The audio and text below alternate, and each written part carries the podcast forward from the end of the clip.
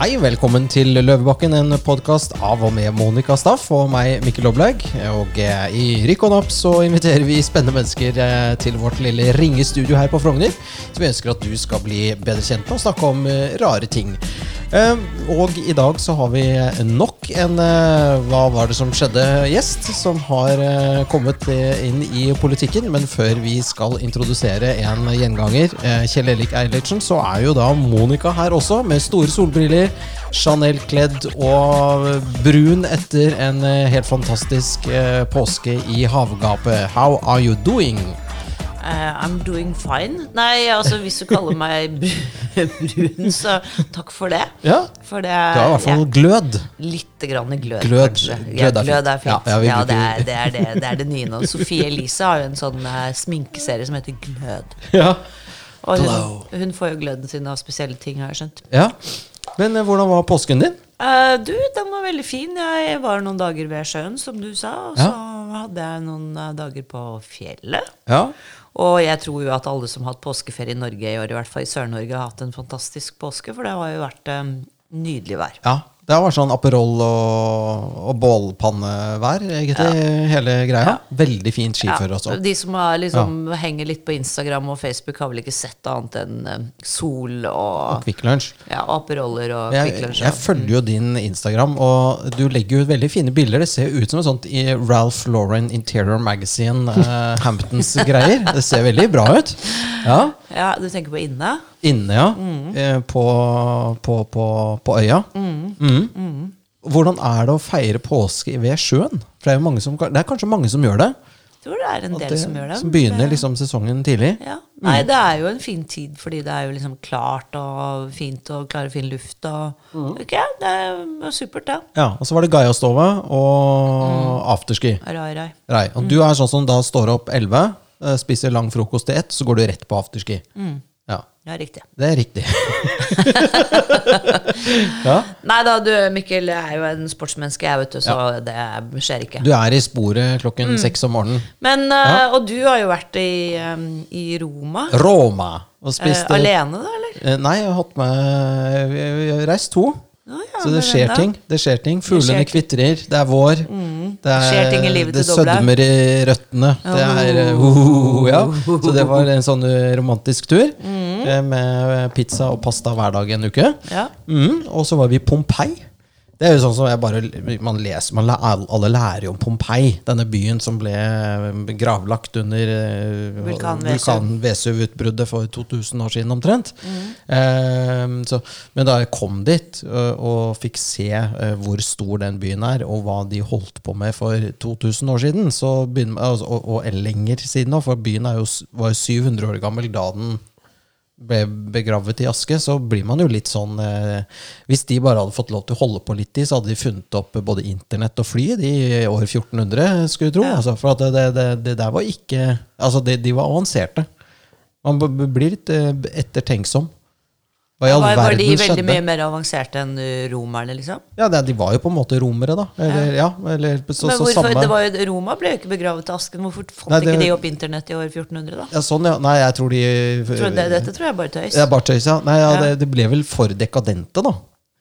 Litt sånn uh, ende, altså at det, det blir for bra, så man gidder ikke å utvide Altså Hele verden var jo Hele verden kom jo til dem. De skulle ikke noe sted. De hadde jo alt i byen sin, litt sånn som romerne også. Eller romerne var jo Det romerske riket gikk jo ut. altså De bare dro ut og plyndret og dro alt inn til seg selv. Eh, men, men det er jo sånn, du ser jo at mennesker har jo altså De var avanserte eh, for 2000 år siden også. De bygget pent. sånn Apropos ark arkitekturopprør og sånne ting. Altså, det er jo bare nydelige bygninger.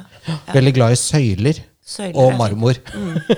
Det, de hadde jo mye marmor, så det Ja. var jo naturlig å bygge av det. Ja, ja. Og kalksten. Så- Men uh, altså sånn dekadent og, og uh, hva skal vi si eh, Velstående og mett og god. Mett og god. Litt Kan sånne tider Kan det overføres til Ja. eh, det norske samfunnet? Ja, nei, men jeg føler at vi er i en eh, brytningstid nå. At vi begynner å nærme oss kanskje litt sånn eh, Ikke så dramatisk som Romerriket på slutten, altså, men, men at, eh, at når det går veldig bra, så, slutt, så er det veldig mye som eh, begynner å få en del tegn i politikken og sånn som ikke, ikke er helt sunt, da. Men jeg tenker at da, er det jo, da er det jo veldig veldig bra. Ikke sant? Når det blir for bra, og folk blir for rike, og folk har det for godt. Ja.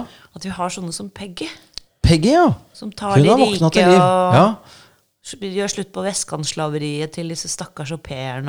og- ja.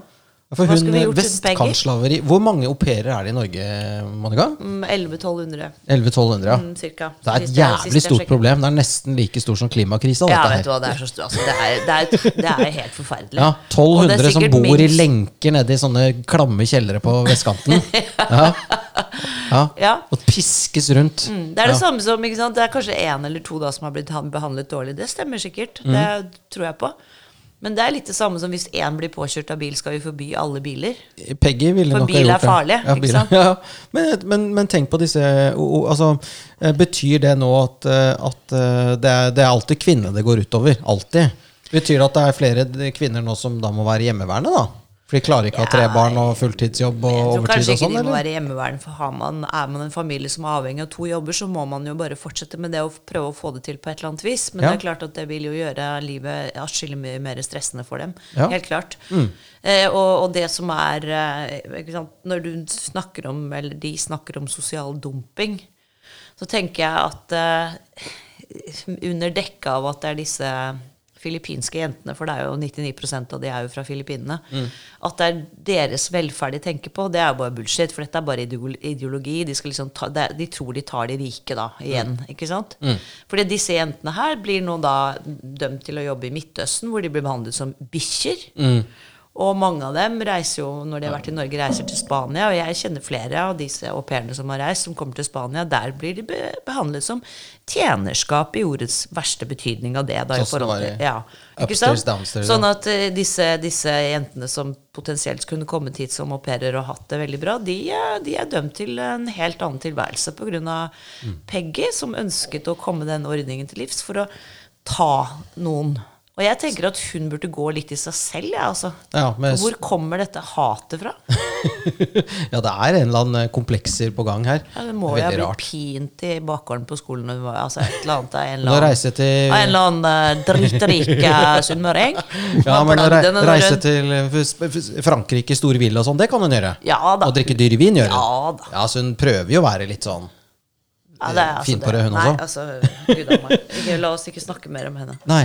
Men du, vi har fått en, en skikkelig staut eh, kar eh, i studio, som også er eh, sol, eh, solbrun. Og som Ha. vi har hatt før. Som vi har hatt før, Kjell Ja. Erik eh, Eilertsen. Han er eh, da en, eh, en NT, NTH-utdannet, vil jeg si. For Ja, jeg før det ble sånn NTNU-tull. Ja. NTH. Når de slo sammen med der, hva heter det, Gløshaugen og det, det andre greiene. nei, Gløshaugen er Det er, Det er det ordentlig, ja. Det andre Det er er originalen. Det andre var universitetet på Dragvoll. ja, Dragvoll, Dragvoll. ja. ja. Disse Dragvoll-folka. Æsj! Ja, Eh, og eh, har eh, hatt en karriere både som journalist i Finansavisen, hvor han bl.a. var med sammen med Ole Asbjørn Næss og lagde Innvandrerregnskapet, som det ble jævlig mye bråk av. Mm, masse bråk. Ja, Og så har du også jobbet i, eh, i næringslivet en del år, og har nå, er nå en, er medlem i et nytt parti som heter Industri- og Næringspartiet, INP. Og eh, det er egentlig det vi skal snakke om i dag, for vi er veldig nysgjerrig på dette partiet. Eh, og hvem som stiftet det, eh, hvor mange medlemmer det er, hvem er det som lager partiprogrammet, og hva er planen frem mot valget. Vær så god, Kjell Erik. Ja. Jo, takk for det. Takk for at jeg fikk komme hit. Eh, Jeg, bet meg merke i to ting du snakket om. Du, du, du hadde mange rare mennesker i studio. Jeg vet ikke hva jeg rare rare. ja, vi er jo de rareste, Altså, Monica og meg. Det var en interessant innledning, dette med au pairer. Eh, Fordi jeg, vi har vel, jeg har jo ikke au pair nå lenger, men jeg har hatt ti au pairer tror jeg, opp gjennom årene. Og de ble boltet fast i garasjen. Ja, de hadde vi fastlenket. Eh, nei da. Og det, det interessante er at vi, altså vi hadde først to, Vi bodde et år i Frankrike, så hadde vi en norsk au pair. Og så etter at vi kom hjem, så hadde vi en, en til norsk au pair. Og så har vi hatt eh, vel fire svenske og fire filippinske.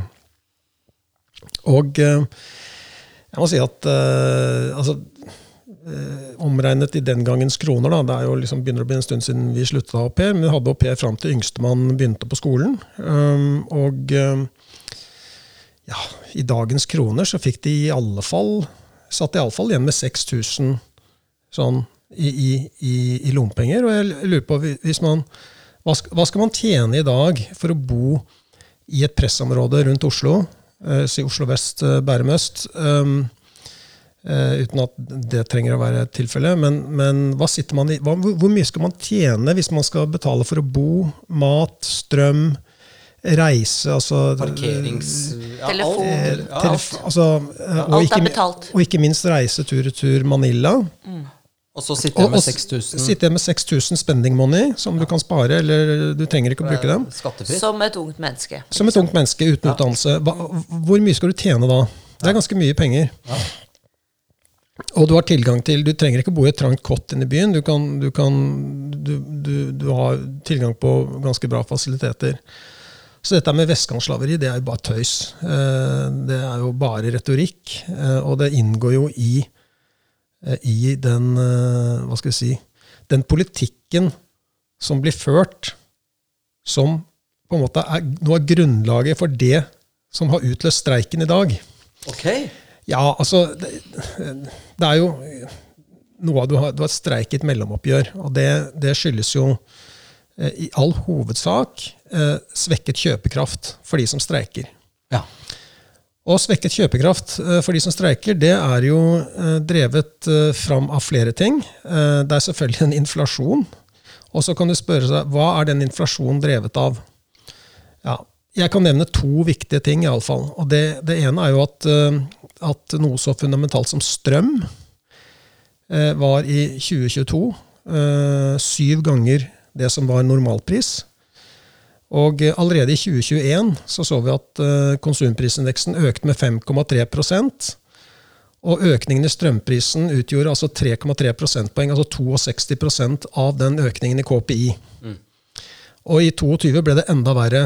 Og når noe så fundamentalt som strøm i Norge øker i verdi, eller øker i pris, så forplanter det seg til absolutt alt annet. Mm. Da øker alt i pris. Eh, det kommer du ikke unna. Og i, i, Norge er det jo engang slik at uh, vi er helt avhengig av strøm. Uh, husholdningen er bortimot 100 avhengig av strøm. Mens f.eks. i en EU-økonomi, uh, ifølge Eurostat, så utgjør strømforbruket kun 25% av energiforbruket. For der bruker de jo da gass direkte til oppvarming, de bruker fyringsolje og andre ting. Ja, det er en diversifisert energiportefølje. da. Ja, Mens ja. i Norge så er det én ledning rett i huset Nettopp. som tar alt. da. Ja. Og det, det, har selvfølgelig vært en bidragsyter som ikke bare har svekket norsk eh, konkurransekraft, men det har også økt, eh, økt eh, strømregningen. Så har de en strømstøtte, som de kaller det, som er en, et pussig ord, egentlig. Man får tilbake litt av provenyet av det man har betalt over, over 70 øre, som er 2,5 ganger eh, normalpris. Eh, og da har man jo allerede betalt momsen på markedspris, men momsen får man ikke tilbake igjen. Så Det er, som, det er, en, er ting. Ting er at, uh, at næringslivet jo, uh, lider jo av dette her. Og du har svekket norsk konkurransekraft. og så har, du har, du har liksom den stagflatoriske effekten som har bidratt til uh, inflasjon, altså det med høyere strømpris. Og så har du selvfølgelig fått en, fått en svekkelse av kronen. Og den svekkelse av kronen, det, det er ganske interessant å høre da, når, når du leser bl.a. kommentaren i Dagens Næringsliv i dag.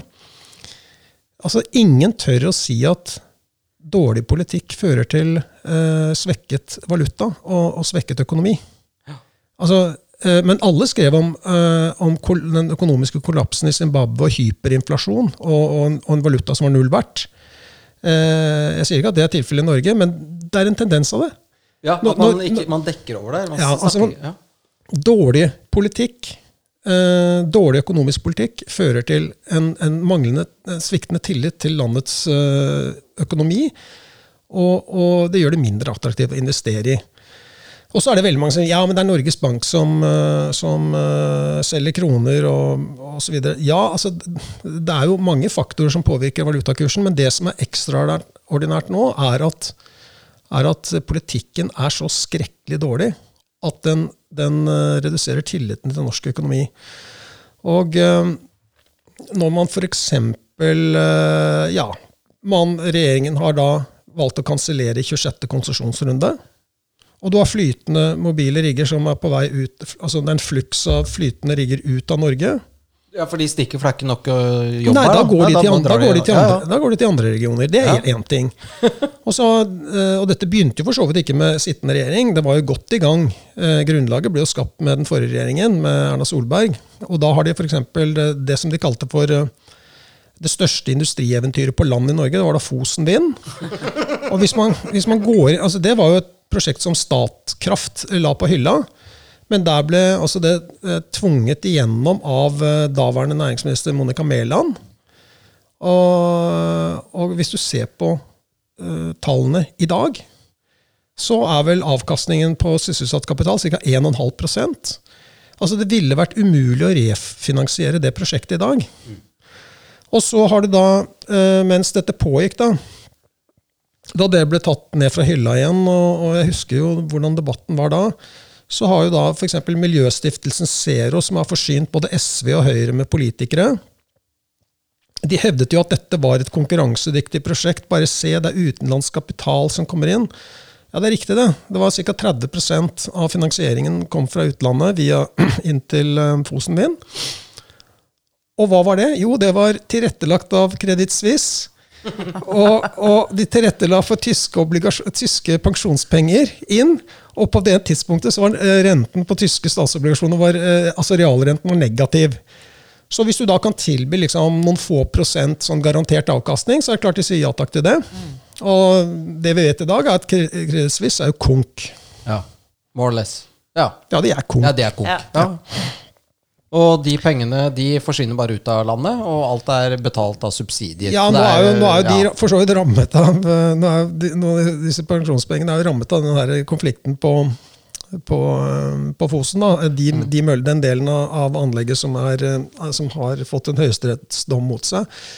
Altså, poenget er at de, dette er bare to eksempler på, på dårlig politikk. Og så har du da klimamålene, eh, hvor eh, um, hvor eh, han, Espen Barth Eide sier at eh, nå har vi lagt oss, på samme ambisiøse nivå som, som EU. Mm. ja, eh, 55% ned fra 1990-nivå, det er jo det samme tallet. Men Norge ligger jo på et høyere utslippsnivå nå enn de gjorde i 1990, mens EU er på et lavere. Og den som har brakt EU lavere, hva er det? Jo, det er gass istedenfor kull. Og hvor kommer den gassen fra? Jo, den kommer fra Norge. Så Norge har bidratt til å gjøre EU, EU mye, eh, mye mer utslippsfritt enn det det var. Ja. Men så skal vi ha 55 %-mål likevel. Så det betyr i prinsippet at Norge skal redusere med ca. 60% og EU med ca. 40 Ja. og når du da har i, i landet i Norge, Norge som utgangspunktet har verdens reneste, altså nest reneste energiforbruk, rent og rent, altså, men hva skal vi si, eh, nest mest utslippsfrie eh, energiforbruk da, etter Island, så blir det jo da slik at skal du, skal du fjerne mer utslipp i Norge, så blir det jo da verdens nest dyreste land å fjerne utslippskutt i. Og når du, i tillegg da, når du da kommer med verdens mest aggressive eh, klimamål i landet med eh, verdens nest mest eh, utslippsfrie energiforbruk, ja, da er det en, en ny bremsekloss for hvor interessant det er å investere i Norge. Og, ja, i det hele tatt. Så det, er- det, er, det er summen av veldig mange Og så har det ikke minst skatteøkningene, som gjør at eh, folk, eh, veldig mange har fått nok og flytter ut. Og det de ikke tenker på, er jo det En ting er de, de, de sitter jo bare og teller penger. Eh, disse, jo lenger ut på venstresida du kommer, jo mer opptatt er de av De andres penger. elsker penger. Andres altså dine penger. penger, andres penger. Men, ja. men, men Ja. det, de, det de ikke tenker på, er at eh, ok, kanskje det har vært en viss grad av brain drain her også. Altså disse menneskene, det er jo Noen, noen, noen uh, blir rike entreprenører. Altså, okay, Glem arvingene, da, men, men av de som har skapt noe sjøl. Så er det jo noen eh, en kombinasjon av smartness, uh, kremmerånd, eh, Drive, drive, et eller annet som gjør risiko. at ja, Ja, ja. er Arbeidsdisiplin. noen er villige, ikke minst arbeidsdisiplin, villige til å ta risiko. Noen av, disse, noen av liksom, de genene der eh, tappes Norge for nå. Du Mm. tapper en del av de der, liksom, de der gründergenene. De stikker. Ja. Så i alle fall de, de som har Det kan jo, altså kan man hevde ja, men det var bare flaks, er det sikkert noen som sier. Men, men altså, det er, det er, man, det, det er ikke en del av debatten i det hele tatt. Det er det som er så pussig. Sitter Ja, det er jo helt absurd å si at eh, det bare er flaks. Ikke Det er det sant? selvfølgelig og ikke. Og det er jo, så kan du si at vi har jo også bare hørt om disse milliardærene som stikker, Ja, ja. men de, altså vi, vi, Det er så mange vi kjenner jo Det er ekstremt mange du- du tenker som er, ja. ikke er i nærheten av å være milliardærer, som drar, fordi Ja. at de rett og slett eh, syns eh, for det første at de blir skattet i hjel sånn som det er, og at det er eh, tilliten der borte. De er redd for hva som er neste trekk. Ja, eh, altså, Ja, nå er det nok, det, er, liksom. he, det er helt riktig. Du trenger, du, trenger, ikke være god for 100 millioner engang. Altså, 50, så bør du stikke. Ja, det- eller mindre enn det også, for den saks skyld. Jeg, Ja. jeg møtte, hadde, hadde, var på et møte, holdt et foredrag her og kom i prat med en eldre herremann, en, en pensjonist, som bodde i en leilighet ikke så langt unna her. Og han øh, hadde jo for så vidt ikke noe gjeld, hadde litt bufferkapital, men han følte nå at de bor i Oslo, så med eiendomsskatten og med uh, den økte grunnlaget for formuesskatten og økt formuesskattesats, så begynte han å lure på om han fortsatt hadde råd til å bo i Oslo. Ja. Altså en, en, en fyr som har jobba hele sitt liv, uh, og hva skal han gjøre da? Skal han, uh, et- den kategorien kan fort finne på å flytte. Mm. Kanskje de kjøper seg et krypinn et eller annet sted i Oslo som de har som hytte, og så flytter de til Spania eller altså Andalusia. Fjernformuesskatten. Mm. Altså, det, er, det der rammer så mange. Og, og er du næringsdrivende og så skal øh, og, og betale formuesskatten i dag, så må du ta ut altså 1 krone og 60 øre per krone du betaler i formuesskatt.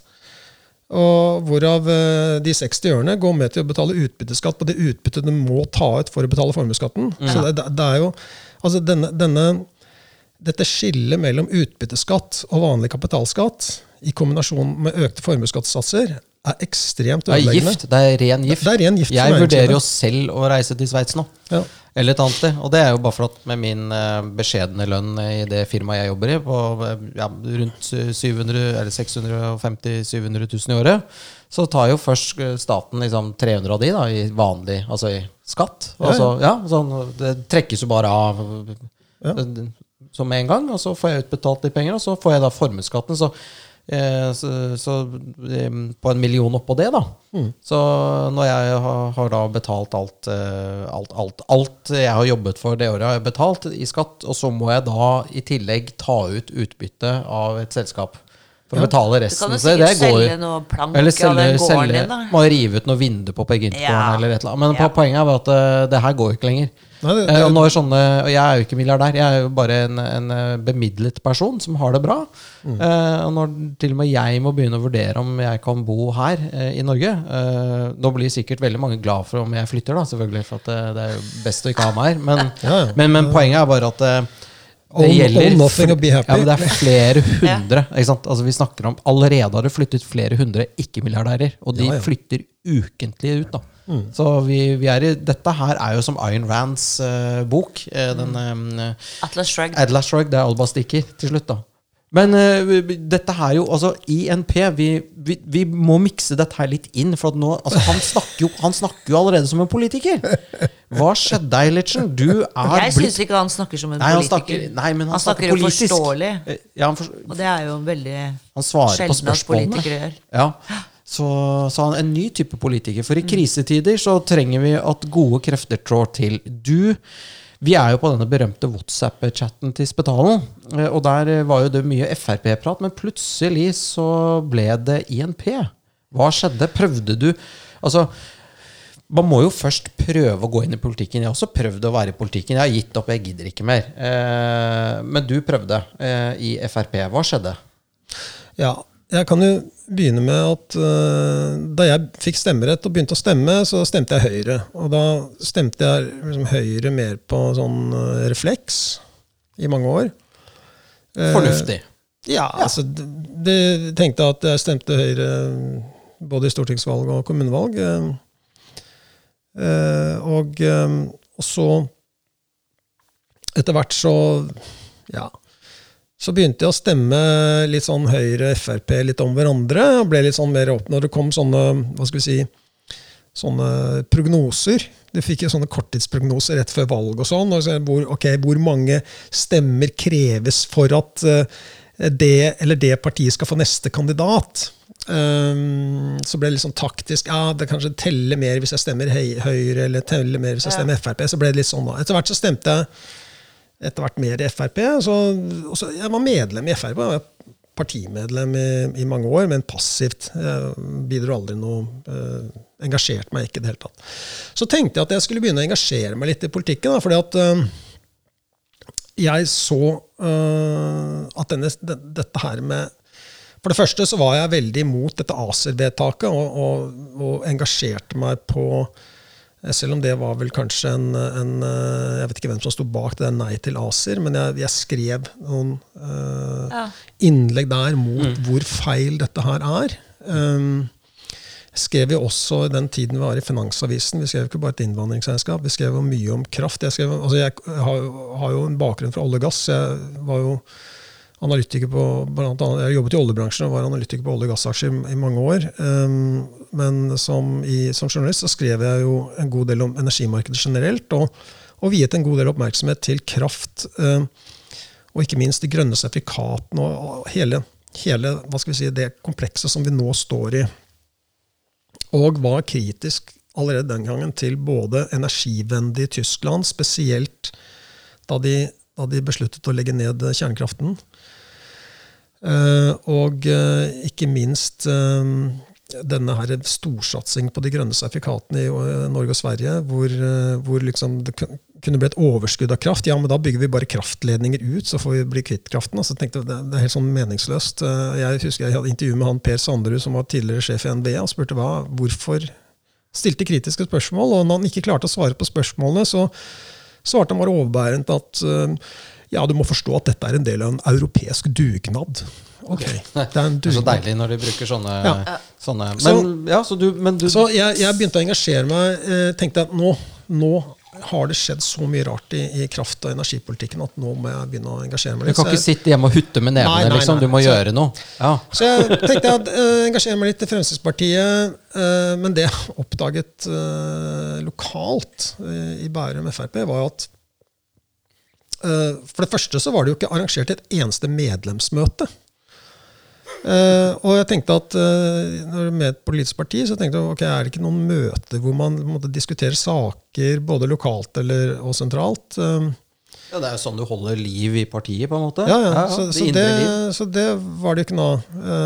så, så det jeg forhørte meg om dette, for jeg meldte meg også opp til å stå på kommunelisten. så det liksom spurte en i valgkomiteen altså, hvorfor er det ikke arrangert noen medlemsmøter her. Hva, hvordan blir man kjent med de andre medlemmene? For man, man, har jo ikke tilgang på medlemslistene, for det er jo GDPR-begrensning på det. Så nei, da fikk jeg vite at eh, nei, de som sitter i styret, de ville ikke det av eh, For de ville ikke at nye aktive skulle møte medlemmene. Ok, men, men, De ville ikke at nye aktive medlemmer som kom inn med innspill og kunne noe, skulle møte de andre medlemmene? Nei, det ville de ikke. Yes, hvorfor fordi det? Fordi Nei, fordi um, Og det ble jo mer og mer klart, da, at altså dette med eh, posisjonering i, i partiene og partitaktikkeri og partiets hva skal vi si, manglende demokratiske liksom, sinnelag, om du vil, da, eller legning eller praksis. Der vi går med på praksis. Det er ikke bare noe som foregår langt oppi, men det virker som at det er noe som er, liksom, uh, har fått fotfeste helt ned på grasrota i partiene. Det sitter sånne småkonger på lokalplan og på en måte passer på at Verner om posisjonen ja, sin. Ja. Vi kaller dem ildpropper. altså Det er en propp i systemet. Ja, ja. Passer på at ingen andre slipper til. Da. Ja da. Og, og, og vi var på den nominasjonsmøtet, og jeg stemte jo for at vi skulle ha null forhåndskumulerte. At eh, det var opp til velgerne å gi personstemmer. Så om det var, skulle det være ett fett om det stod som nummer én eller nummer ti på lista. Ja. Nei, det ble jo nedstemt, da, så de skulle ha to forhåndskumulerte. Og det var jo selvfølgelig altså Det var et lokalparti som var preget av uh, hva skal Jeg jeg kom inn i det, så, så skjønte at det var store personkonflikter mellom folk, og det var to fraksjoner. og de mobiliserte hver sin vennegjeng på dette nominasjonsmøtet, og jeg og en annen som hadde meldt vår interesse, satt der med store øyne og så på og syntes dette her var et ordentlig skuespill. Det ble åpen, til og med åpen krangel i, i lokalet mellom eh, folk fra de ulike fraksjonene. Men når de hadde liksom sørget for å få sine venner plassert på de to forhåndskumulerte plassene, så, så, forlot vel omtrent en tredjedel av eh, de stemmeberettigede lokale. For da var liksom jobben gjort, og så ble man sittende der. Så ble man Har subbet i sånn myke crocs og rullings ut, ut på gaten eh, og tilbake igjen på Nei, ja. så, så, så liksom, jeg, jeg, bare, jeg bare tok et, eh, tenkte at all right, jeg, jeg tar et valg. Um, Så Frp mistet deg, på en måte? de ja, altså det kan De mistet miste det. det ja, men altså, de, altså, de klarer ikke å ta vare på talenter. Ja, ja poenget, er, poenget er at de, de, uh, de, de, var, de var ikke interessert i utgangspunktet. Mm. Uh, og hvorfor, det vet ikke jeg, men eh, men det- var en veldig pussig altså, pussig eh, opplevelse. Men så tenkte jeg at uh, all right eh, ok, Frp har jo fire inn i, inn i, i kommunestyret, og jeg, jeg, sa, jeg, fikk fire, jeg fikk fire minutter på meg til å presentere meg for medlemmene. Iallfall de medlemmene som var innkalt til nominasjonsmøte. Det var de fire minuttene jeg har, har liksom sagt her er, jeg, her, her er jeg. ikke sant? Um, grunnet manglende, manglende medlemsmøter. eh, og og da, da sa jeg det at eh, altså, Frp liksom, i Bærum har ligget på 7% i tolv år. Uh, og det er jo liksom halvparten av landsgjennomsnittet omtrent. Uh, og i Østre Bærum, der jeg bor, så ligger det, ligger det på 5% Det er samme oppslutning som har i Oslo. Og jeg tenkte at dette må man kunne gjøre noe med.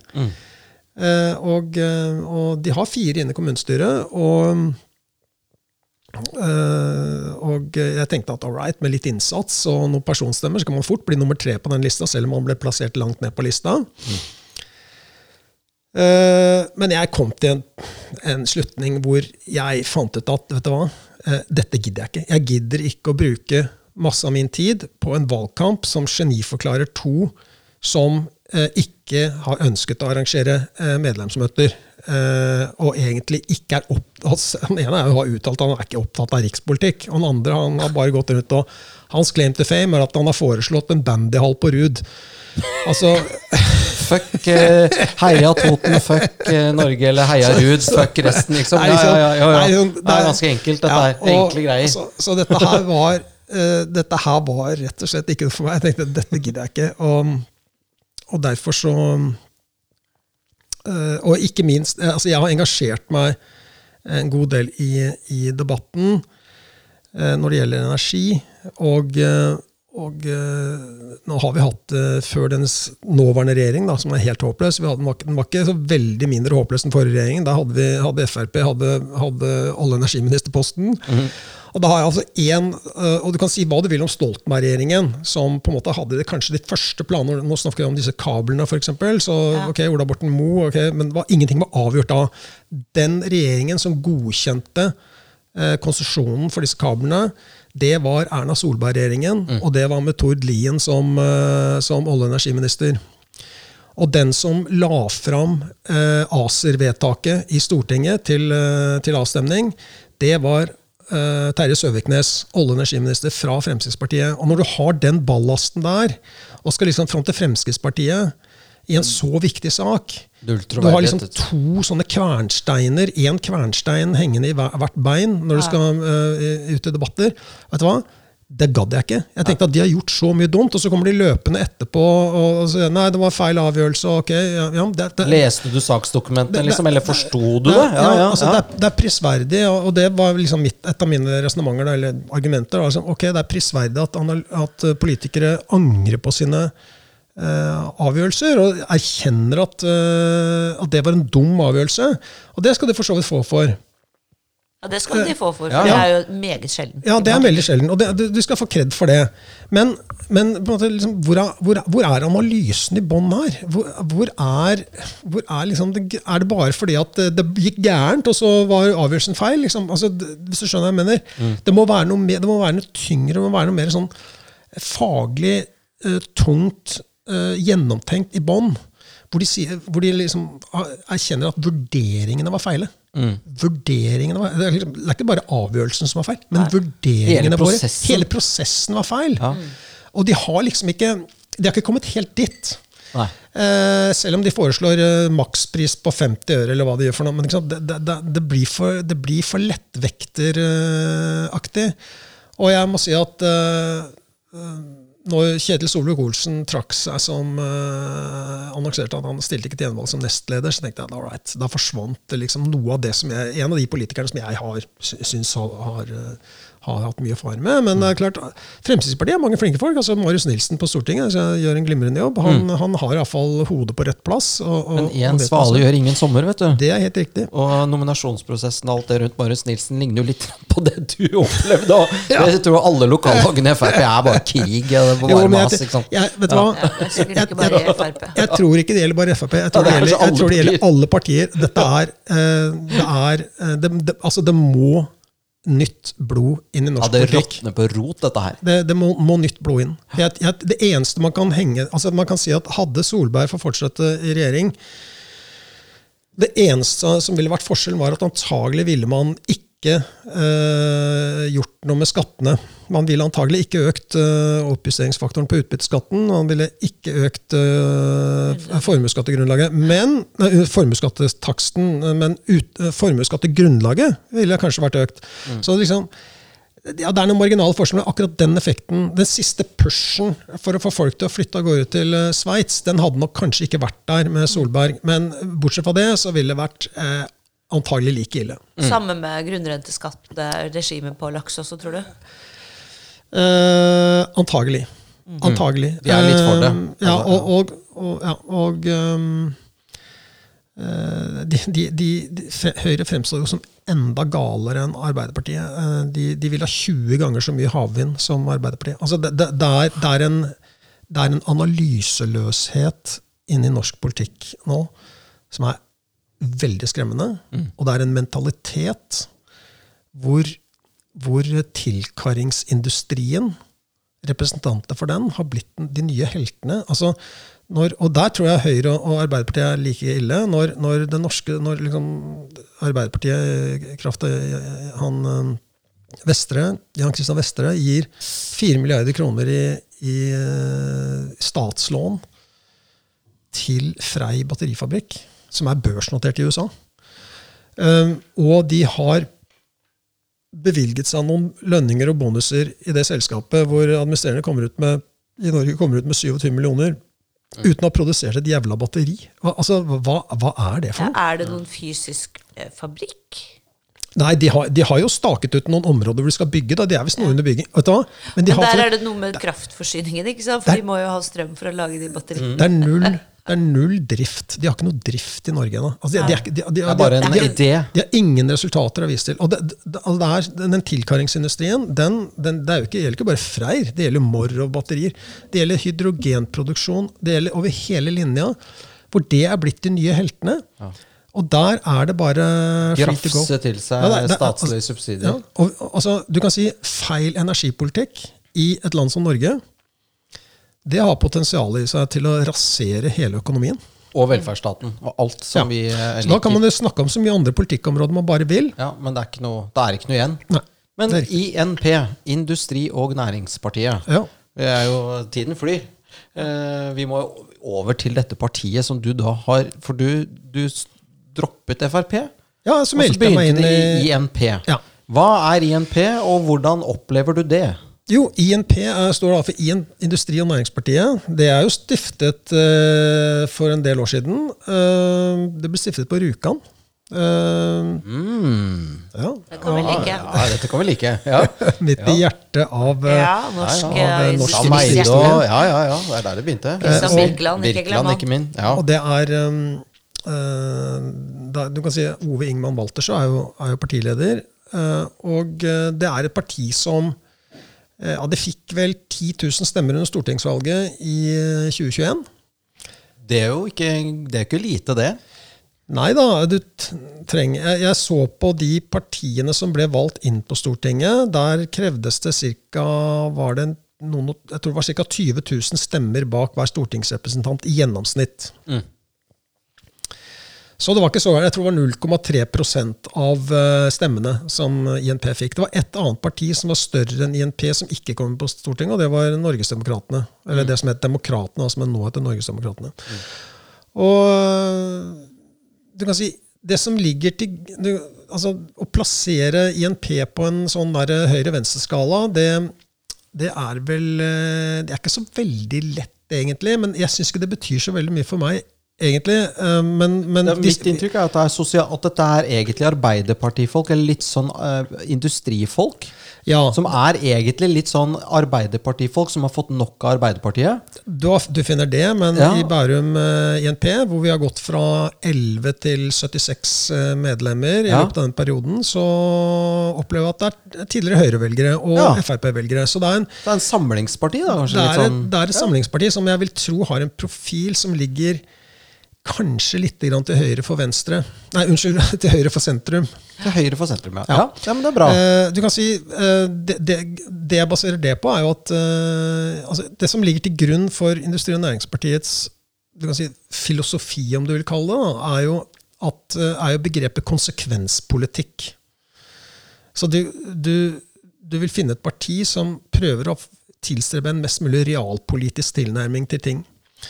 Eh, og eh, all symbolpolitikk og sånn, bort med det. Du, du skal ha en konsekvenspolitikk, det skal ha noe med realiteter å gjøre.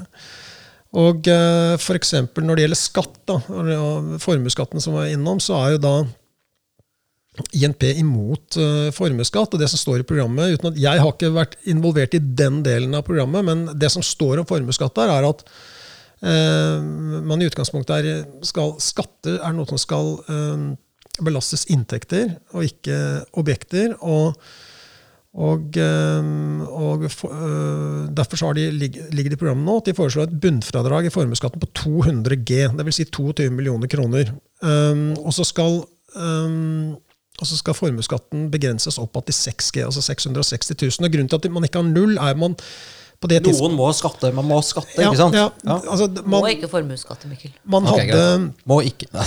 man, hadde ikke noen, man hadde ikke noen klar oppfatning av hvordan, hva skal man gjøre med dette nullskatteyterproblematikken. Det, er- det er vel det som ligger til grunn, at det er litt grann uh, formuesskatt, kan du si. Og, og ha, vi har jo vært gjennom en periode siden 2006 hvor for eksempel hvis du før 2006 visste at det kom utbytteskatt, så kunne du låne penger til selskapet ditt, du kunne gire det opp og betale ut all opptjent egenkapital i utbytte, og så kunne du skyte den egenkapitalen inn igjen. Og, og betale tilbake lånet ditt, f.eks., eller uh, whatever, og så kunne du leve av å skrive ned egenkapitalen. Det er det som egentlig har skjedd. og det, det, Så det er jo så det er jo en grunn til at uh, så det, det skiftet der medførte det. Så, så ulike personer er nullskattytere av ulike årsaker, eh, som er rent sånn skatteteknisk, og måten du har finansiert deg på. Eh, så det var grunnen til det, at, at, eh, at det ikke står null, for å si det sånn. Um, Fair enough. det som, det som, og så har jo da eh, Industri- og Næringspartiet slått seg sammen med Helsepartiet. Ja, interessant. Og jeg, jeg må si at jeg, jeg eh, har jo egentlig aldri vært opptatt av helsepolitikk. Jeg har ikke vært, ligget på sykehus, så jeg, jeg vet ikke, jeg har ikke, noe, har ikke den erfaringen, men det kommer vel kanskje til å skje en eller annen gang. Eh, men eh, jeg var på landsmøte på, eh, i går, I INP. i INP. Ja, Ja, det var hadde, landsmøte i helgen som var, dere. vi hadde ja. landsmøte på Lillestrøm. Ja. Hvor mange er det som møter der? Nei, det var, det var 99 stykker, og alle, det var delegasjon fra hele, hele landet. Flott. Ja. Eh, Jeg var ikke der som et delegat, jeg var der for å presentere energipolitikken. Men da hørte jeg på interessant um, Det kom et veldig altså, eh, Helsepartiet eh, hørte foredrag av en lege. Helsepartiet har hatt veldig mange folk fra helsesektoren. Ja, eh, og der er de i ferd med å rakne nå. Arbeidserfaring fra Ja. helsesektoren, som Bra. er aktiv i eh, partiet. Han la fram et foredrag der bet meg merke én ting han sa, og dette er f.eks. med Helse Sør-Øst. Så er det altså dobbelt så mange årsverk i administrasjonen som det er legeårsverk. ja, det er et helvete. Og det er jo eh, det- det- Dette er sånne ting ønsker INP å gjøre noe med. Og da Um, får du de stemmene. For jeg, ja, eh, jeg har jo blitt sammen med en lege. Hun, eh, Ja. hun, hun bare sier at det er ingen som orker å jobbe der Så lenger. det var Nei. Eh, Ja. henne du var i Roma sammen med, altså. Det stemmer. Det var en lege. Det var en lege. Så, Kan hun skrive resepter? eh, hun alt mulig? skriver er mye, mye Vi skal eh, Bra. Ja, bra. okay. bra ja. Nei, men, men, men det er jo kjempeskummelt, for at nå sluttet eh, Var det 16 av 19 eh, sykepleiere, intensivsykepleiere sluttet på Ullevål? For de orket ikke mer av det. Og derfor har de lagt ned thorax-avdelingen. Altså, det er i ferd med å bikke, da. Ja, Hun altså- jobber liksom 40 timer på to dager og sånn. Det, det er ikke bra. Ja, altså Operasjonssykepleiere og eh, anestesisykepleiere, det risikerer man da å mm, få stadig færre av. Um, og, og det handler om hvordan, hvordan i all verden er det man ad- organiserer Jeg har ikke noe svar på det. Jeg har aldri engasjert Jeg, jeg, vet, jeg vet ikke hvordan man skal organisere et øh, sykehus øh, og organisere driften av en, av en helseinstitusjon. Men, men det, har, det har vi heldigvis folk fra Helsepartiet som har operativ erfaring, eh, både som, eh, både som leger, eh, Sykepleiere eller sykepleier, ja, ambulansesjåfører. Ja. Så, og det som er så bra med INP, det kanskje det beste, noe av det, noe av det første jeg bet meg merke i med INP når jeg leste om partiet, er at for å få verv i INP, så må du ha minst fem års arbeidserfaring. Å, det er sånn anti-broiler-paragraf. Uten, utenfor, utenfor den politiske boblen. Fantastisk. Og det er jo helt fantastisk. Vi har faktisk et ungdomsparti. Ja. Vi, har, vi har INPU. Men de slipper jo ikke til ikke sant, jo, før men de har jo jobbet. slipper til ungdomspartiet, men poenget er at du får ikke noe verv i partiet uten at du har vært ute i arbeidslivet i minst fem år. Mm. Veldig bra. Og det tror jeg er veldig bra. Altså, du har, eh, vi fikk jo gratisreklame av, um, av eh, Simen, kanskje ufrivillig gratisreklame av Simen Bondevik, som var ute i, Det vil jeg tro var Ja, ufrivillig. ufrivillig. Han er dum som et brød, men det er en annen ting. i, i, han var ute i. Unnskyld, jeg klarer ikke å Simen Bondevik. Det eneste han har klart, er å være barnebarn av bestefaren sin. Altså. Fy faen, han, ass. han hadde to Han, han hadde, prøvde å lage et poeng Han var ikke noen god statsminister. Han prøvde å lage et poeng om at uh, INP da, Det var en av disse meningsmålingene hvor vi kom litt opp. hvor vi, Hadde det vært valg, så hadde vi fått inn én kandidat, eller Ja. hva det var for noe. Så, så sa han at uh, udemokratiske klimafornektere på vei til Stortinget.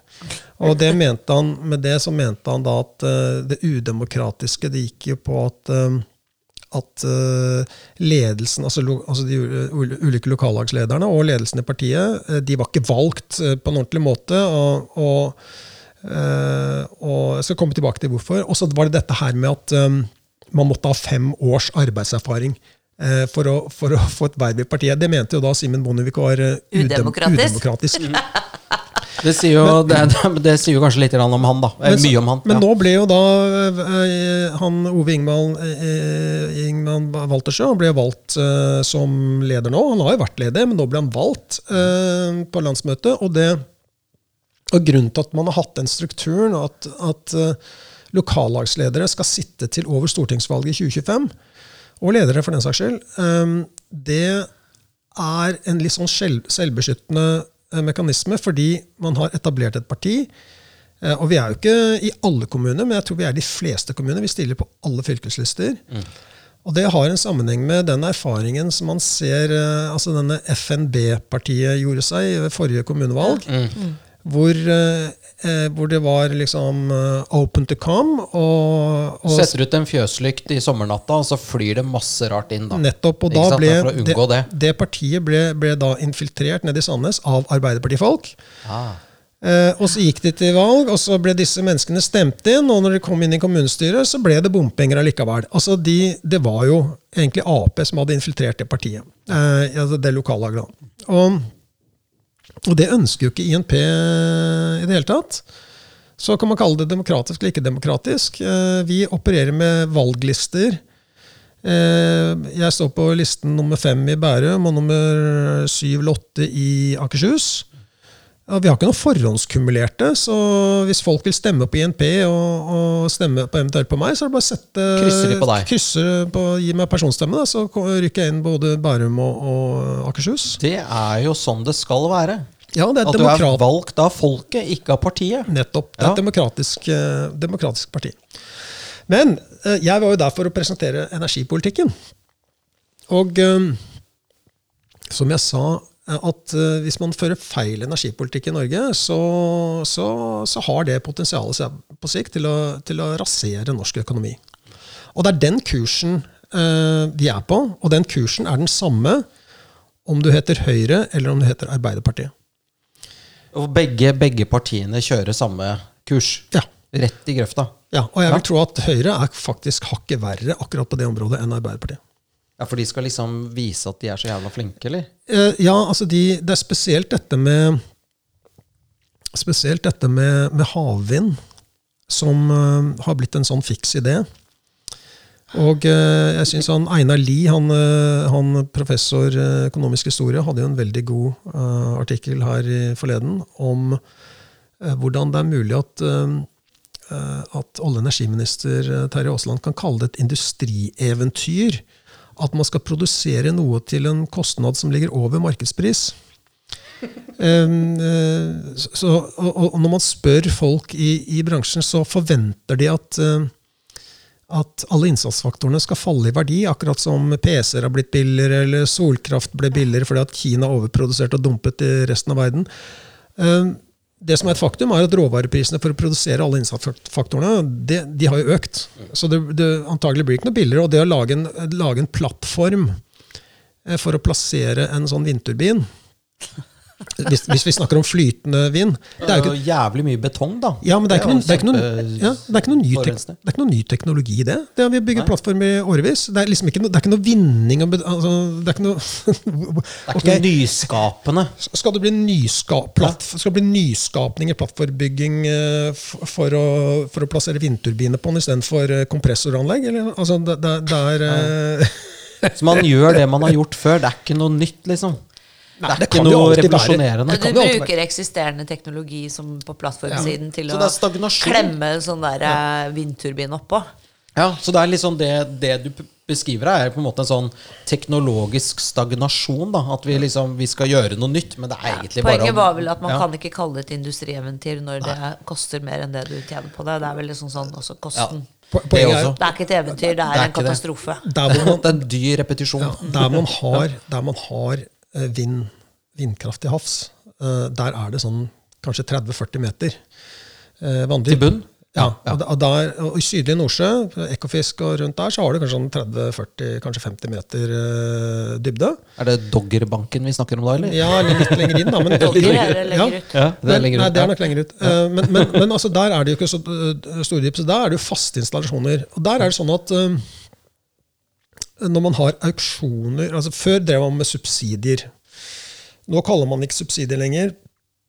Nå er det slik at eh, eh, utbyggerne byr i en såkalt hollandsk auksjon på hva slags hva slags strømpris de krever. ikke sant?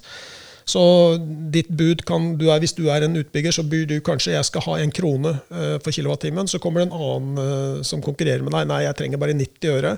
Og så kommer en tredje og sier jeg trenger 80 øre. Og så er det kanskje en fjerde som sier nei, jeg trenger bare 70 øre. Han som sier han skal bare ha 70 øre for strømmen, han får prosjektet og skal bygge ut det da anlegget der til 70 øre eh, kilowattimen. Da har de, får de en garantert pris betalt av myndighetene. 70. 70 øre. Fast. Ja. Ferdig. Ja. Og, og da er det sånn at uh, hvis, hvor, hvor er det markedsprisen er? Hvis den, hvis, den er uh, hvis den er over 70 øre, så vil jo da uh, myndighetene tjene på det. Hvis den er under 70 øre, så vil jo da myndighetene tape på det. Men hvor blir regningen av da? Jo, den blir alltid veltet over på nettkunden et eller annet sted i Europa. Men, det, men det, er, det er fast, da. Det er fast. Ja. Og 70 øre er jo, er jo for så vidt to og en halv ganger det som var normalprisen, som vi alle var vant til. Sånn 20 eller noe? Det er litt sånn som når Jon Hustad sier at vi er en gjeng med frosker, for jeg har blitt kokt uh, sakte, men sikkert. Så har vi vent oss til at eh, 1 krone og 20 eller 1 krone og 50 øre er normalt. ikke sant? Uh, Men 70 øre er altså to og en halv ganger det som var normalpris i alle år. Hvis du tar årene over 28, snitt. var det 28 øre eller noe 28 øre. Det er jo helt, det er helt riktig som du sier, den der effekten av at liksom de, prisene bare har vært helt hinsides. Ja. Når de da kommer tilbake på noe som er sånn Én krone er billig, liksom. Ja, da begynner det liksom å Det er sånn som med bensinpris. Når det begynner å komme ned mot 20 kroner igjen, så blir det sånn Oi, nå er det billig. Ja, nå må vi fylle. Nå koster det bare 18. faen, Og det vi blir lurt, altså. Ja, vi blir lurt, og jeg tenker at vi har jo da Ja, altså Men, Som du sier, vi blir kokt langsomt og merker ikke at vi Men så har du, så har du, så har du liksom crescendoet av galskap. Det er, jo da, det er jo da flytende havvind. ikke sant? Eh, Ok, dette, for dette er, noe, dette er noe annet. og flyt, flytende havvind, det, det minner meg det, Jeg får en assosiasjon uh, til um, eh, husker det da, da det var rett før, rett før finanskrisen. Um, si vår, vårparten, hvor uh, til og med TransOcean hadde begynt å bestille rigger på spekk. Ok, Og, og da var det sånn at uh, de, altså de skulle koste 800-900 Jeg tror var, jeg lurer, på om de, jeg lurer på om du hadde noe prosjekt som var oppe i en milliard dollar. Men si 800-900 million, eh, millioner dollar da, per prosjekt. Og det ville kreve, det ville kreve dagrate på en million dollar om dagen uh, for at disse her skulle regnes rundt. Og dette syns uh, analytikeren var storartet og fint. Og, Da på med solbrillene og bare altså, det ble sånn mastod, mer og mer mastodontaktig, ja, for de skulle bore på ha, større og større havdyp ned til 3000 meter og osv. Og så kommer skiferrevolusjonen mer og mer. Den var jo allerede i gang sånn i 2007-ish. ikke sant? Og så begynte den å komme, og så hadde du finanskrisen, og kom den for fullt etterpå.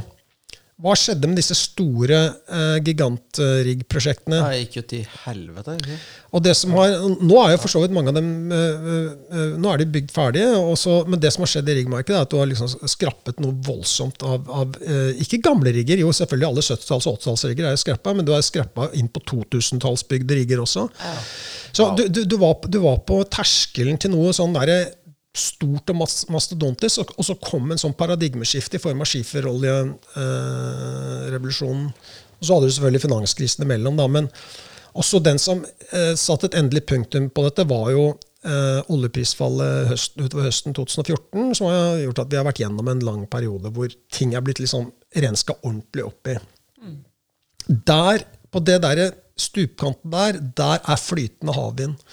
Ok, det er, Altså- det er en parallell, rett og slett? Ja, altså, Du, du kommer sånn, ja, bare fordi at ja, vi har så mye vindressurser i Norge. Vindressurser.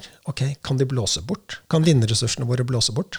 Men, men la oss si at i Norge er det jo ikke sånne eh, havområder eh, med 30-40 meters vanndyp, med mindre du reiser helt ut på Ekofisk og Valhall. Så der, Du har norskerenna. Du har jo stort sett sånn 300 meters dyp. Ja, for den, sok altså, den går jo rett ned Ja. Ja. Og, og der, Eggakanten. Ja. ja, og, og da er det sånn at eh, da må du ha flytende havvind. Hvis du skal, ha, hvis du skal elektrifisere Tampen eh, Ja. så er du nede på okay, da er du på 70-80 meter. Da, da, da blir det straks uh, dyrt, og da får du, må du ha flytende installasjoner. For du kan ikke bygge faste installasjoner. Du kan ikke bygge en trollplattform for å ha et par turbiner på toppen. Det går jo ikke. Og da, da, da har du altså noen dimensjoner på de flytende prosjektene som Da er de på størrelse med fotballbaner. Altså En mølle? Nei, én flytende platt- plattform plattform, for å bære en mølle. Og den møllen, si den er på Ja, si at den er kanskje på 10, eh, 10 megawatts eh, kapasitet. da. Okay. Så du må støpe på en måte en, en, en, en, lekter, eller et, et Ja, ja. fundament Ja. på størrelse med en fotballbane og fylle med betong. Som Ja, bare bruker masse masse CO2 for å lage betong og sement, selvfølgelig. Ja, ja. Og den holder én mølle. Og så skal den som produserer 10 megawatt, og så skal den lenkes med noe anker og sånn til bunnen. da. Så Det, ikke den det, regner, det, det, er ikke, det, det regner ikke hjem engang. Altså, det, det høres det, helt på, sjukt ut. på Excel-arkene så kommer vel kanskje til at det er, eh, de må ha en, det er en kostpris på oppimot to kroner eh, kilowattimen. Ja, kanskje Eh, mer. Kanskje, så, Ja. men, men du blir sittende med prosjektrisikoen. Og dette synes altså Norske politikere er storartet. Og Høyre grunnen til at jeg sa det er kanskje enda villere politikk for Høyre Høyre vil jo, vil jo ha 20 ganger så mye av dette som Arbeiderpartiet. De, de går jo, altså her i forrige uke så, så annonserte var, vel, var det rett etter påske eller rett før påske, så, så, så annonserte de jo da eh, flytende havvind. ikke sant? Og så er Høyre ute og kritiserer vil ha 20 ganger så mye. Eh, det all, går altfor alt for, alt for, alt for sakte. Ja. Ja, dere er ikke Og så har du- Og så har du da næringslivet, da. Eh, da har du da en Åsheim i, i Hydro og han Holsæter i, i Yara. Og sammen med sveisen. Og så har du, og så har du uh, han eh, Eriksen i, i Aker, som mener at det går altfor sakte. Selvfølgelig, for de vil jo bare Ja. Men ja. hvis vi holder Aker litt utenfor, da, Aker har mange agendaer. Aker er også, driver også Norges nest største oljeselskap, Aker BP. Det er der de tjener pengene sine. Ja. Um, så hold deres de, de, de eier jo også Aker Solutions som skal bygge alt dette her. Så de har, Nettopp, de har best- sånn jeg tenkte da. De, de har best, de har vested interest i dette her, så hold det til side. Men ok, da sitter de med Hydro-sjefen og Yara-sjefen. Hydro eies 34% av norske stat, eh, Yara er 36 av norske stat. Og, jeg, og, og det de er bekymret for, både Åsheim og uh, Holsæter, er jo liksom er jo da eh, kraftmangel. Og da lurer jeg på Hva sa hun Åsheim, og hva sa han Holsæter eh, om elektrifisering av sokkelen? Elektrifisering av sokkelen i dag tar 10 eh, terawattimer årlig. 10 milliarder kilowattimer årlig går med til å elektrifisere sokkelen og oljeinstallasjoner på, på land og til havs. Ja. Og regningen går til forbrukerne. Hvor, hvor, var, de, hvor var de da? Da var vi stille. Ja, de var helt stille. Og, og så er spørsmål, neste spørsmål Kan en, en, øh, en øh, 34% statlig Hydro-sjef og en 36% statlig øh, Yara-sjef komme med kritiske bemerkninger i pressen? Eh, eller delta i debatten om øh, elektrifisering av norsk sokkel? Eh, ikke hvis du eh, vil ha gjenvalg. Nei. Ikke hvis, du, ikke, ikke, hvis du gjerne, ikke hvis du gjerne vil ha den jobben. Ja, ja, ja. Eh, og, ehm, så, så det er litt pussig, da. For en, for en kilowattime er jo en kilowattime. Og, og jeg, kan jeg kan jo ikke se én grunn til at uh, Hydro eller Yara skulle ha noe egen interesse av å elektrifisere sokkelen. Nei. Eh, Men de er altså kjøpt eh, og slukt inn i dette her narrativet som har blitt eh, Jeg trodde det var en sånn herre Det var en særinteresse, og så har det blitt sånn, det, generelle narrativet er at ja, det er veldig lurt å gjøre, men det er ekstremt idiotisk å gjøre. Ja, det er helt på trynet. At- og det skal ikke, så veldig, skal ikke være så veldig smart å, ha orientert deg så veldig mye for å skjønne at det er helt idiotisk. Og Derfor så lurer jeg på hvorfor sånne mennesker som da hun Åsheim, f.eks., Ja. eh, som burde også kunne se hele bildet, hvorfor, hvorfor ønsker de å være en del av en, altså et narrativ som helt beviselig vil gjøre strømmen mye dyrere for norske forbrukere, i tillegg til at det er helt useless i forhold til liksom effekten du får ut av det. Og som du sier, effekten for norsk økonomi. At de, at de med viten og vilje syns det er helt ok å kjøre liksom hele dritten i grøfta. Ja, Hvorfor, altså, hvorfor, hvorfor Har de ingen samvittighet, eller er ikke de Nei, jeg, jeg tror det henger sammen med at hvis, hvis eh, da eksempelvis Åse Emil Holsæter skulle si noe som uh, er litt sånn kontroversielt i forhold til uh, den strømningen som preger både politikk og presse,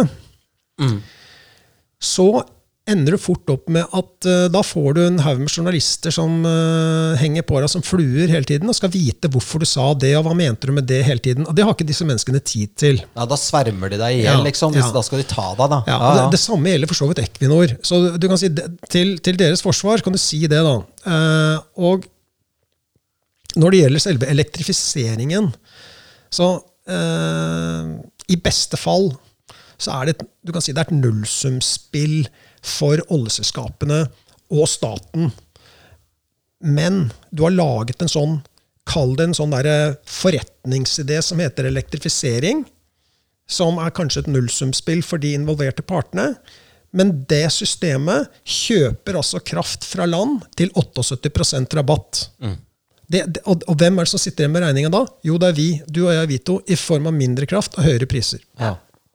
Fordi at oljeselskapet, når de eh, Og så er det jo politikerne som har gjort det lønnsomt. Du har, og, Det er ikke markedskrefter, dette her. Dette, er, dette er planøkonomi. Ja, fordi at, la, oss, la, oss, la, 78 rabatt. La Det oss, lønnsomt. la oss si et oljeselskap eh, skal elektrifisere istedenfor å kjøre gassturbiner på sokkelen. Ok, Han kjøper strøm fra land.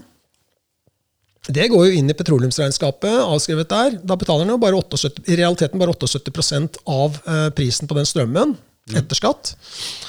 Um, det bedrer jo det bedrer jo driftsresultatet. Uh, ergo får staten eh, 78 mer av det økte driftsresultatet eller før skatt inn i statskassa igjen. Og så eh, har jo staten skrudd opp eh, CO2-avgiften, slik at når du da elektrifiserer framfor å, å bruke egen gass til å produsere strømmen din der ute, så betaler du mindre CO2-avgift.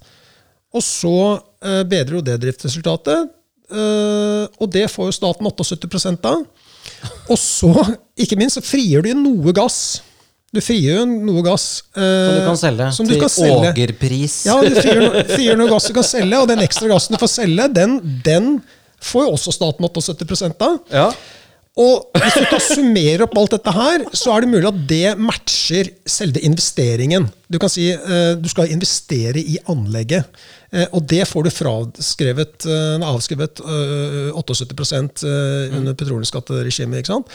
Og, og, så det kan være at de to Jeg har ikke regna Og så på toppen av det så får hele styret bonus. ja, det kan, det, kan være, at- det kan være at på en måte besparelsene og eh, de matcher på en måte investeringen, da, kan du si. Og, og at det er i beste fall et nullsumspill. Nå har jeg ikke regna på effekttap ved å sende strøm liksom 20 mil ut i havet. Og, og, og, det kreves jo litt mer kraft å sende litt mer, litt mer gass enn du hadde tenkt til kontinentet osv.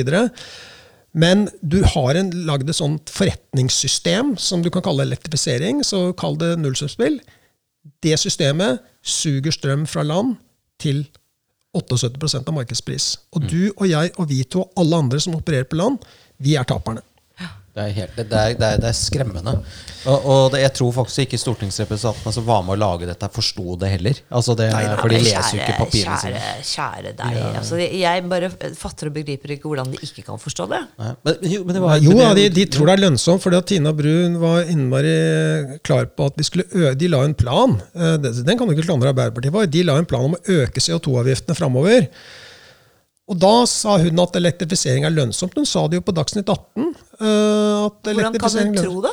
Jo, fordi at eh, de, når du skrur opp en avgift og slipper å betale den for det du har elektrifisert, så lønner det seg. Det er jo helt rått. Altså, det, er jo, men det, er jo ganske, altså, det, det norske parlamentet er jo, det, er jo faktisk også i verden Vi er verdensmestere på flere ting. Vet du, for det er faktisk en av de få eh, parlamentene i, i verden der eh, gjennomsnittlig utdanning eh, på stortingsrepresentantene er lavere enn snittet av befolkningen. Så det er egentlig eh, det er det vi bare- det er kaller er jugarstuga, ikke sant? Ja. Eller dum, dum, dummehuset. Altså, det er jo ganske flaut. Men vet du hva? Når, du, når du leser avisen, Det er så er det ganske det er til og med, det, altså, eh, det er ganske skremmende å se hvor mange ak høyt akademisk utdannelse så, eh, med høy akademisk utdannelse så sier mye dumt. Ja. eh, også. så det er, så det er, Det er for enkelt å få seg en grad, da. Og, og, men det som er problemet på Stortinget, Mm. det er at veldig, veldig få har arbeidserfaring Ja. i det virkelige liv. Og derfor representerer Industri- og Næringspartiet noe nytt. Der er det, må du ha fem års, eh, minst fem års arbeidserfaring for i det hele tatt å komme i betraktning. Veldig bra. Ja. Men hva, hva tenker du om eh, Altså En time går fort, men dette er så interessant at vi bare kjører litt sånn extended version. Når vi har sånne podkaster vi kan snakke fire timer. Så kan vi snakke mini Jeg kan kanskje si litt om, Ja, litt si litt om grann- programmet. Ja, litt altså, litt, om, litt om energipolitikken. Ja, litt om Ja. energi, litt om Ja. partiet. Ja. Hvor dere stiller lister. Hvorfor Ja. skal man stemme på INP, liksom? Ja. Ja. Det har vi jo hørt hvorfor vi Jo, skal stemme på det. Det er Ja, da. Eh, ja, ja. Altså, vi eh, Snakket jeg om, om symbolpolitikk? I Bærum for eksempel, så går vi inn for å vi skal fjerne all symbolpolitikk fra, fra alle dokumenter og alle budsjetter i kommunen. Eh, hvis du ikke kan måle eh, noe, hvis du har eh, en eller annen sånn formål med et eller annet form for pengebruk, så må, den, så må det jo det kunne måles. Og hvis det ikke kan måles, så, så er det ikke noen vits å ha det der. Nei. Rydde opp i sånne plandokumenter og sånt. Ja, altså F.eks. for eksempel klima er jo en veldig sånn eh, hyppig gjenganger. Ja. Og eh, man har en eh, klima eh, et eller annet klimaformål, klimapolitikk. Klima går igjen i absolutt alt. Ja. Eh, og, og da kan man spørre seg hvorfor gjør det det, eh, og hva koster det? Der er vi. Der, er- der er INP. Eh, hvorfor står det der, og hva koster det? Og hvis det koster noe, så skal det vekk. Kult. hvis de ikke kan måle det på et eller annet vis. Kan det ikke måle, så skal det fjernes. Ja, nettopp. Og sånn er det jo. Og, Det så, er- og da er det sånn at øh, Er du klimafornekter, da? Er du imot vitenskap og sånn? Det er det du ofte blir møtt med, da. Uh, nei, vi er ikke imot vitenskap, men vitenskapelig metode går ut på to ting. Det går ut på hypotesetesting og forkastning. Forkastning, ja. Og hvis du, ikke, hvis du tester en hypotese, du ikke, den stemmer, eh, så forkaster du tesen og prøver noe nytt. Prøver noe nytt Ja, ja. Så, så det er vi, vi følger, dette er konsekvenspolitikk, og det er det vi er opptatt av. Jeg kan snakke litt om energipolitikken. For det første så ønsker vi å, vi ønsker å utvikle og ikke avvikle. Og Når det gjelder olje- og gassnæringen, så er det overlegent Norges mest innbringende næring. Den sto for 80% av våre eksportinntekter. Den uh, står for godt over, med ringvirkninger, godt over 50% av vårt BNP. Uh, og uh, der mener vi at eh, vi skal kjøre en eh, lisensrunde hvert år. Sånn som vi har gjort tidligere. Én konsesjonsrunde og én mellomrunde Mm. annethvert år. Så det blir en lisensrunde hvert år. Det er for å, det er for å eh, liksom, øke eh, forutsigbarheten for, for næringen, og også øke troverdigheten for Norge som, eh, som energinasjon. Og vi ønsker å gjeninnføre leterefusjonsordningen. Leterefusjonsordningen har vært gull verdt for Norge, hvis man ser historikken på den, og hva som var tilstanden før den ble eh, innført, og resultatet av den. Og så er ikke nødvendigvis det en evigvarende ordning, men der mener vi at det er ressursgrunnlaget, eller det forventede ressursgrunnlaget, som, er, eh, som oppdateres stadig av Oljedirektoratet. Det er det som skal være, legges til grunn for leterefusjonsordningen. Eller om den skal avvikles. Ikke ideologi. Mm. Eh, og, og vi er selvfølgelig imot elektrifisering av sokkelen. Eh, det, altså Får vi makt, så blir det full slutt på elektrifisering av sokkelen. Og ikke bare det. Da skal elektrifiserte olje- og gassanlegg de skal avelektrifiseres der det er forsvarlig og teknisk mulig. Ja. Det, det kommer til å skje. Hvis folk stemmer på oss, så kommer det til å skje. Da kan du frigjøre opptil 10 milliarder kilowattimer årlig. Og få strømprisen ned. Ja. Og, øh, og når, det gjelder, øh, når det gjelder kraftpolitikken, så er, øh, så er vi opptatt av at altså, kraft i Norge er, er vårt kanskje fremste konkurransefortrinn. Historisk har det vært det. Uh, man har ikke tenkt så mye over det pga. Olje, oljen osv., men det er vår, vår evigvarende konkurransefortrinn. Og ikke bare det, det er en helt sentral del i Norges helt spesielle infrastruktur. For det er ingen land i verden, bortsett fra Island eh, Nei, faktisk ikke Island heller, for Island bruker mye direkte termisk varme til, til oppvarming. Men, men, eh, men eh, vi bruker altså strøm til det meste. Fordi Av historiske årsaker.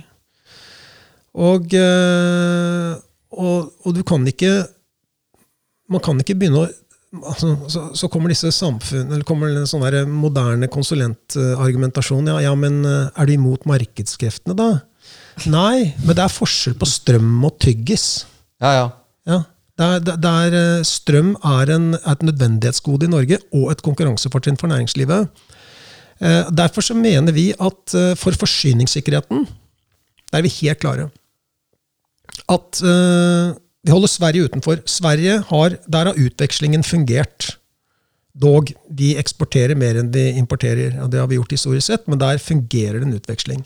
Men ut av NO2, altså mot Danmark, Nederland, Tyskland, Storbritannia, så er det ikke utveksling. Der er det nettoeksport. ja.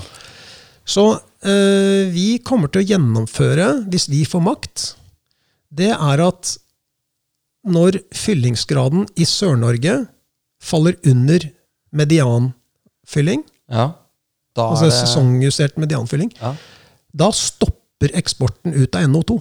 Ja. Ja, Altså, skrur det- av, det, det, det, blir, det blir ikke noe eksport ut av NO2, altså Agder-Rogaland, Ja. når, medianfyll, når eh, fyllingsgraden i eh, Sør-Norge er under medianen. Mm. Da får tyskerne litt å bale med. Så det, ja, altså det, det, det, er sånn, det er vår forsyningssikkerhet. Og hvis du ser på perioden fra Nordlink til Tyskland ble åpnet, og fram til det var prekært her i august i fjor, så gikk, var nettoeksporten ut av NO2, altså det Danmark, Nederland, Tyskland og Storbritannia, den var, eh, den summerte, det var nettoeksport hele veien, måned etter måned. Fra, januar, eh, fra desember 2020 til eh, august og litt ut til september eh, 2022. Det akkumulerte seg til 24 terawatt-timer. 24 milliarder kilowattimer. Det matcher nøyaktig avviket i hvordan fyllingsgraden i magasinene var i Sør-Norge i samme perioden. Hvordan den utviklet seg. Ja. Så det vi solgte, det var rett og slett lagervare. Ja. Og, og, og, og, og, så kan man, altså, og så ble vi heldigvis reddet av regnet da, i fjor høst. Så Det kom ut i september, det regnet veldig mye. Vi fikk jo, og da ble magasinet fylt opp igjen. Akkurat, liksom. Og det, det, kalte altså, det klarte altså regjeringen å kalle for god styring. Det høres ut som en Da kan sånn, vi komme inn på det vi kaller flaks. det høres ut som en sånn indianerstamme som har tatt regndansen og fått flaks. Altså, Ja, ja. det er sånn. Oi, oi, oi. Nei, men det er jo helt åpenbart her at vi har en ny politisk spire, det Kjell er, Erik. og det er, det er flere Ja. ting, skjønner du. Ja, ja, er Vi må ja, ja. ja, ta vi skal- tre minutter nå. Vi, vi skal fjerne moms og elavgift på strøm. og det- er rett og slett fordi at uh, 90% av strømmen som produseres i Norge, produseres av stat og kommune. Ja, så de skal ikke ha moms på det. Ja. Og, uh, og all superprofit mm. er å Altså det er stat og kommune som forvalter det eierskapet på vegne av oss. All superprofit er å regne som en skatt. Har samme effekt som en skatt. Og INP har som prinsipp at vi er imot å betale moms og avgift på skatt. ja. Det Det, det, det ja. syns jeg er ganske logisk. Ja. Og så har vi en sånn. ting, en ting som Hva sa du? Ja, superlønninger i Statkraft og sånn. Ja, Det, det blir slutt på. Det blir kan, slutt det på. kan jeg love deg. Jævlig bra. Eh, Og så har du Dette er driver monopoler. altså Statnett er et monopol. Ja, Statkraft, stat, Statkraft er litt annerledes, men altså. Statnett er et monopol. De har jo null konkurranse. De, har jo, de har, trenger ikke forholde seg til kapitalmarkedet. De, Men de har investor relations på hjemmesiden og sånne, da. ja, Det er bare tøv. Det, er, altså, det, er bare tøv. Det, det kommer til å bli store endringer der. Jeg bare sier det. Ja. Festen er over. Ja, altså hvis, hvis folk stemmer på oss, så er festen der over. Ja, er Du kan ikke ha eh, eh, byråkrater som sitter og forvalter en statlig virksomhet som er et monopol, som lønnes som om de skulle være suksessrike meglere på Wall Street. Kom igjen! Altså, hallo, det er jo galskap. Eh, Men det er en viktig ting til som gjør at faktisk at uh, energipolitikken til INP uh, er den som kommer til å medføre mest utslippskutt. Ok? Og det er jo, eh, så Hvis man er veldig opptatt av det, så er det som følger Vi ønsker å, ta, vi ønsker å bruke gass. Tilrettelegge for å bruke gass direkte til oppvarming. Gass det får du 100% varmeutnyttelse av. 1 kWt gass erstatter 1 kWt med vannkraft. Den kWt med vannkraft den kan erstatte en kWt med oljekraft i Sverige. Og når du gjør det, eller gasskraft i Holland, når du gjør det, så mer enn du, For det første halverer du kostnaden for forbruker. Du reduserer eh, forbruket med minst en tredjedel. Og du halverer utslippet minst per kilowattime. Ja. Men, men vet du hva som ligger i veien for det? Nei, Parisavtalen. Derfor skal vi ut av Parisavtalen. den Ja, også. Jeg tror vi sier at med disse bevingede ord og altså Jeg blir glad i engasjementet. Vi kunne snakket i flere timer til, for at det er så bra. Absolutt, Kanskje det... vi skal ha den inn en gang til før valget? Absolutt. Ja. Vi skal ha før valget, vet du, Mikkel, vi skal ha litt valgstudio og litt gjester. Ja, Og da kanskje med to stykker i studio? Ja, Få med en fra MDG, da. ja det, det hadde vært rått, faktisk. Eivind Tredal Eivind. der. Men da må jeg ha sånn der tissepute her, så han ikke tisser på seg. Han blir så sinna. Eh, tusen, tusen takk for at du kom til oss, eh, Kjell Erik. Vi er eh, veldig Dette blir, det blir spennende å følge. Og Monica, det blir jo ny Nå har vi masse spennende gjester fremover. Så det blir bra, dette her. Det har vi. Det er bare å følge med. Yes. Hei, hei! Ha det.